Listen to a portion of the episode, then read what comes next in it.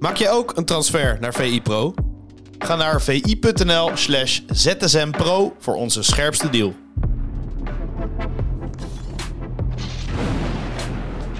Goedemorgen Pieter. Goedemorgen Jarno. Welkom bij alweer een nieuwe VZSM.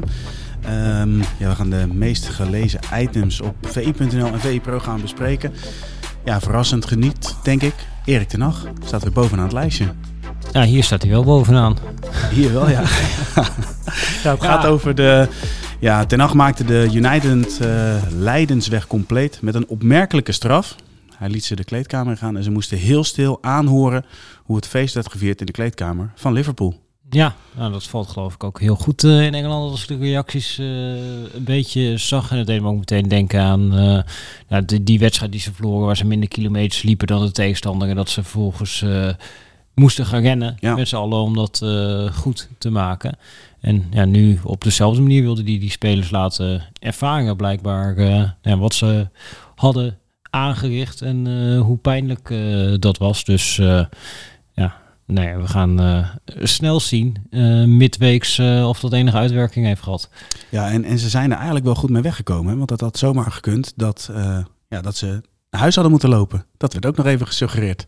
Dat ze geluk hadden dat de spelersbus er stond. Ja, nou ja, precies. En er werd ook nog gesuggereerd van, nou, dat ze misschien dat het goed voor die spelers was geweest als ze terug waren gegaan eh, met eh, openbaar vervoer. Dus dat ze tussen de fans eh, hadden gezeten. Dat, Ja. ze, dat ze dan echt kunnen ervaren van, nou, zoveel pijn doet dat dus om met eh 7-0 eh, te verliezen. Maar eerlijk gezegd, ja, die spelers die weten dat denk ik zelf ook wel hoe eh, gênant het is wat daar eh, gebeurde. En dat, ja, je gaat eh, de geschiedenisboeken in, je komt er niet meer uit. Als jij over 15 jaar in een willekeurige Engelse pub op een woensdagmorgen de tv aanzet, dan is de kans best aanwezig dat gewoon deze wedstrijd weer opstaat. En dan zie je jezelf weer met 7-0 verliezen. Ja, dat, dat is gewoon heel pijnlijk. En dat is een schandvlek ja, waar je nooit echt vanaf gaat komen. Nee, de verrassing was ook wel groot. Want op voorhand werd er eh, gesuggereerd in de Engelse media. Uiteraard, uiteraard hebben wij ook een vooruitblik. Daar kom ik straks even op terug. Met Bas opgenomen. Eh, ging het over, ja, ehm, een, een ja, afgang voor Liverpool dreigde. Want United draaide lekker. Liverpool zat niet lekker in de wedstrijd. Ja, Eh, viel ook alweer mee hoor. Tenminste, Liverpool eh, Nou ja, de nederlaag ze hebben verloren voor Real Madrid, maar vier wedstrijden ervoor hebben ze de nul gehouden. Dus Liverpool zat al wel, als je mij had gevraagd, zaten ze in de weg omhoog weer Ja. een beetje. En dan had je inderdaad dat incident tegen Real Madrid ertussendoor. Maar je zag wel dat in ieder geval ja, er een soort van nieuw team aan het opbloeien was. Maar het was inderdaad wel zo. Dat, Maar nog wel in ontwikkeling, toch Pieter? ja, een team in ontwikkeling. En dat, dat in die zin de rollen omgedraaid eh, waren. Want de afgelopen jaren was natuurlijk heel vaak richting deze wedstrijd. Ja, dat was eh, Liverpool was aan het vliegen. Ja. En eh, United, ja, die moest winnen om nog een soort van het seizoen te redden. En nu waren die rollen omgekeerd. En dat, ja, dat zag je er denk ik ook wel echt aan af. Eh, United mocht en, men, en Liverpool dat moest.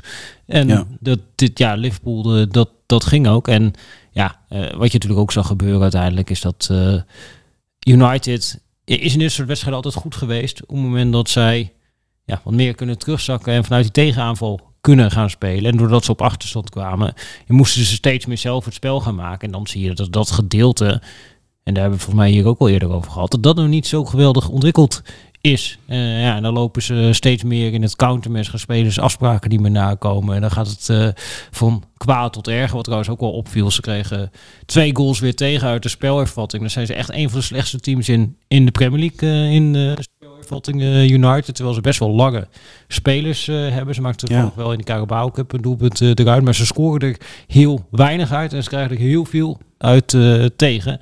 Nou, dat gebeurde deze wedstrijd ook weer. En ja, dat zijn details, maar dat zijn wel de details die in dit soort topwedstrijden ja, het verschil kunnen maken voor uitgangspositie. en ervoor kunnen zorgen dat het in één keer helemaal uit elkaar begint te vallen. Ja, precies. En de vooruitblik die ik eh, maakte met Bas, eh, waren we nieuwsgierig naar de rol die Fernandes eh, zou spelen. Zou hij wel of niet als valse negen spelen? Nou goed, zover is het niet gekomen. Als je dan naar afloop ook kijkt, dan gaat het ook over Fernandes, aanvoerder van United tegen Liverpool. Er was veel kritiek op. Vooral zijn houding in het veld. Is, is jou dat ook opgevallen? Nou, ja, ik vind, vond niet dat, dat, dat je dat kan aanrekenen. Maar ik vind dat sowieso, dat is een beetje tegenwoordig geloof ik een trend. Dan uh, Casemiro, die kreeg geloof ik ook de schuld. Dat je dan naar individuele spelers gaat kijken. Maar als je nou bijvoorbeeld Casemiro pakt. Nou, die, die zat er inderdaad uh, niet lekker in. Maar wat gebeurde er nou met uh, Casemiro? eigenlijk Klop, die zette er een extra middenvelder bij met Gakpo. Mhm. Dat je eigenlijk met Ak Gakpo en Elliot die er vanuit rechtsmid bij kwam, had je twee nummer 10's. Nou, op de momenten dat dan Fred ging doordekken en nummer 10, wat vaak Weghorst was, uh, dat die hun man gingen dekken, stond Casemiro eens eentje tegenover Elliot uh, en Gakpo. Ja, ja, dan kom je in de problemen. En dan, ja, dan kun je wel zeggen, ja, dat ligt aan uh, Casemiro. En dan de spelers er onderuit. Dan komt daarna de rechtsback uh, komt, uh, vrij. Ja, waarom gaat Bruno Fernandes er niet achteraan? Ja, maar daarom is het ook goed dat deze vraag aan jou gesteld wordt, Pieter. Want je leest die berichten en dan denk je van, ja, inderdaad, Fernandes laat in de topwedstrijd niet zien. Casemiro in de kleine wedstrijd is hij goed en nu was hij niet ja, goed. Denk, het is allemaal heel makkelijk. En maar ik kreeg heel erg de indruk, zeg maar, dat eigenlijk het plan een beetje was met Fernandes. Waarom hij ook aan de zijkant weer begonnen. Dat heeft een aantal wedstrijden best goed gewerkt. Dat... Ja, die gaat dan een beetje, neemt de tussenpositie, neemt hij uh, eigenlijk in. Dus die gaat een beetje in de paaslijn, uh, die rechtsback staat. Maar die gaat er niet helemaal, gaat hij uh, erachteraan. en ja, als hij dat doet en het middenveld van United staat goed georganiseerd en wint de bal, Ja. dan speel je Bruno Fernandes aan en die gaat een steekpaas geven op Rashford. Dat was het plan. Alleen dat middenveld veroverde de bal niet. Dus ging die bal niet naar Fernandes en dan zeg je, ja, waarom loopt hij er niet achteraan? Maar ik kreeg de indruk, en je kunt er nooit helemaal uh, tot achter de komma vaststellen, dat het, ja, dat is tenminste wel wat in een heleboel wedstrijden, Leicester bijvoorbeeld gebeurde het ook, uh, uh, waar dat gebeurd is. Dat Fernandes aan die zijkant speelde met het idee van, oh ja, dan gaan we druk zetten op het middenveld, gaan we daar de bal veroveren, meteen kunnen Fernandes aanspelen, die staat dan niet bij zijn bek. En, en die lanceert dan weer de volgende. En die lanceert uh, ja. Rashford. Dat, dat, ja, met deze opstelling, als je Weghorst op 10 zet, uh, Anthony vanaf rechts en Fernandes uh, speelt vanaf links, ja, dan is waarschijnlijk het plan. We spelen bij balwinst naar Fernandes en die lanceert uh, Rashford in de diepte of zorgt dat die bal naar de andere kant richting uh, Anthony gaat, die dat ook uh, vrij ja. staat. Ja, en dan vind ik niet dat je kan zeggen en ik de heus van alles aanmerken op het spel van uh, Bruno Fernandes in die wedstrijd. Die was net als heel veel Manchester United spelers niet goed, want je verliest met 7-0. Mm -hmm.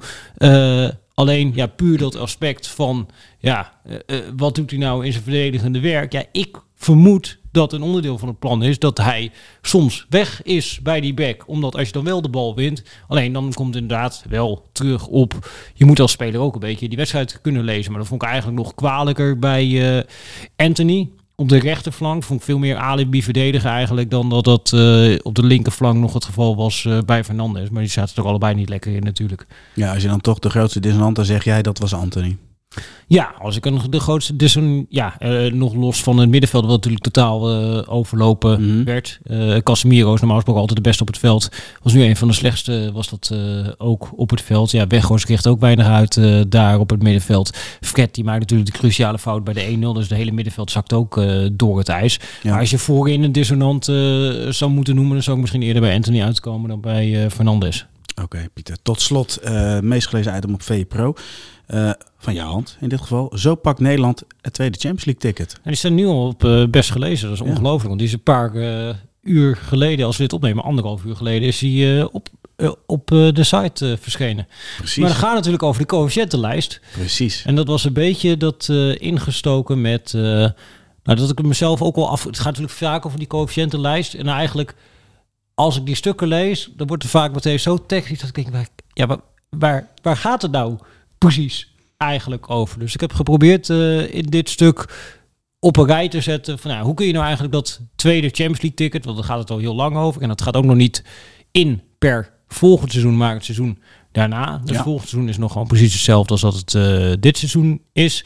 En we moeten dit seizoen, we staan nu virtueel boven Portugal, we moeten boven Portugal blijven. Nou, dan heb je een voorsprong op de coëfficiëntelijke ranglijst eh, op Portugal. Eh, en die voorsprong is ongeveer 2,5 punt. Eh, nou ja, en een van de dingen eh, waar ik benieuwd naar was, is... Oké, als je Portugal wil voorblijven, wat moet er nou eigenlijk gebeuren dat Portugal ons inhaalt? Dus ik heb bijvoorbeeld het scenario doorgerekend. Eh, nou ja, Porto, die, stel die vliegen de volgende wedstrijd uit de Champions League Ja. met een nederlaag.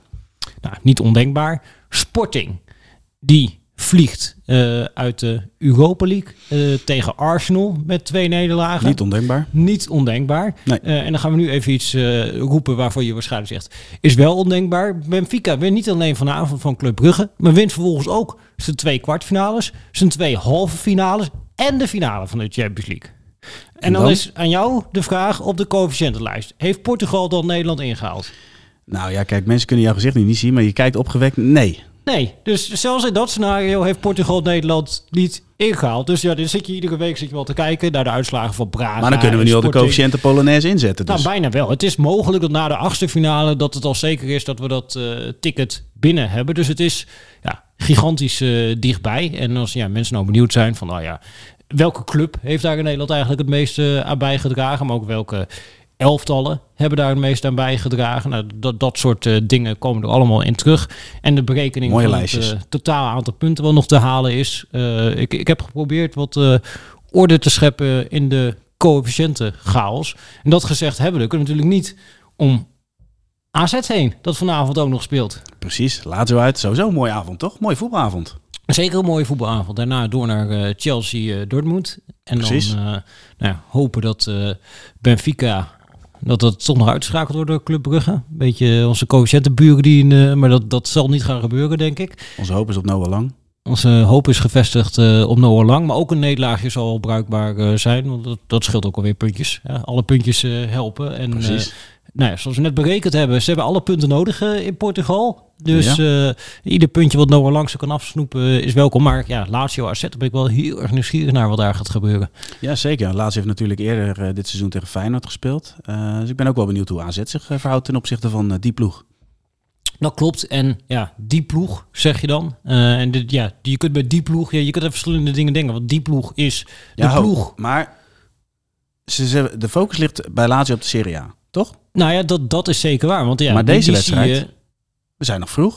Ja, het is een dinsdag, hersteltijd Het zit is goed. dinsdag, ze spelen zaterdag. eh, en wat ook belangrijk is om eh, in het achterhoofd te houden, ze spelen na de return, dus na de return in Alkmaar, spelen ze de derby van Rome. Dus het zou kunnen dat zij nu met min of meer de sterkste opstelling gaan aantreden tegen AZ, maar het is heel moeilijk. Ze willen het vanavond beslissen dus. Ja, dat zou kunnen, maar dat is net in hoeverre willen ze er echt voor gaan in de Conference League. Want tot nu toe, zeg maar, eh, in de Europa League speelden ze nog niet met de sterkste elftal. En in de Conference League, nou, ik heb die twee wedstrijden tegen Cluj gezien. Mhm. Nou, Cluj is echt geen wereldploeg, maar die maakte het eh Lazio twee keer gigantisch moeilijk. Dat was echt, eh, maar die hadden zoveel geroteerd. Er stond een reservekeeper in. eh, nou, in Europa speelt continu een centrale verdediger. Die heeft in de Serie A tot nu toe 88 minuten gespeeld. Maar in Europa staat hij altijd in de basis. Ze stellen altijd een andere rechtsback op, ze stellen altijd een andere linksback op. Dat hele elftal op het middenveld is hij eigenlijk altijd wel een van die belangrijke spelers. Daar is hij eh, aan het eh, roteren. Dus daar, daar wordt gewoon heel veel gewisseld. Nu is eh, Immobile sowieso is, eh, geblesseerd. Ja. Daarvan weet ik eerlijk gezegd nog niet of dat zo'n groot voordeel is voor AZ. Want de kans is groter dan Felipe Andersson daar komt te spelen. Heeft hij onder andere gedaan tegen AC Milan. Eh, toen ze met 4-0 wonnen als eh valse nummer 9. En ik denk dat voor de centrale verdedigers van AZ... dat hij een vervelendere speler is dan Immobile. Immobile is echt een spits. En Ja. ja, zeker voor Hatsidiakos. eh Goes is natuurlijk nog wat jonger. Maar zeker voor een type verdediger als Hatsidiakos. Ja, dit is lekker als hij gewoon duels kan spelen... met Ja. een jongen als Immobile. Alleen die Anderson, ja, die is overal... behalve in de spits. Eh, en dat is toch denk ik veel lastiger te bespelen voor AZ. Dus ik heb het idee dat in heel Nederland het als heel goed nieuws is ontvangen dat eh Immobile er niet bij is. Maar ik weet niet of dat echt zo is, want Immobile is ook een tijdje geblesseerd geweest eh, dit seizoen. En toen hebben ze dus die Anderson op die plek gespeeld. En ze hebben daar, denk ik, de beste wedstrijden van het seizoen. Onder andere dus die wedstrijd tegen... AC Milan hebben ze gespeeld met eh Philippe Andersson in de spits. Nou, het is natuurlijk al de topscorer die ontbreekt, et cetera, et cetera. Dus die nuances moet je er allemaal bij plaatsen. Maar Ja. ik denk dat gegeven ook het type centrale verdedigers dat AZ heeft, eh, een hele onervaren verdediger met eh Goes en Hatsidiakos, die het het lekkerst vindt als hij gewoon duels kan Ja, spelen, precies. dat het heel vervelend voor AZ is dat je dan tegen een Philippe Andersson komt te staan. Duidelijk, Pieter. We gaan eh, morgen eh, ja, komen erachter of het inderdaad allemaal uit is gekomen. Voor nu bedankt eh, voor jouw bijdrage aan deze ZSM. En, tot de volgende. Tot ZSM.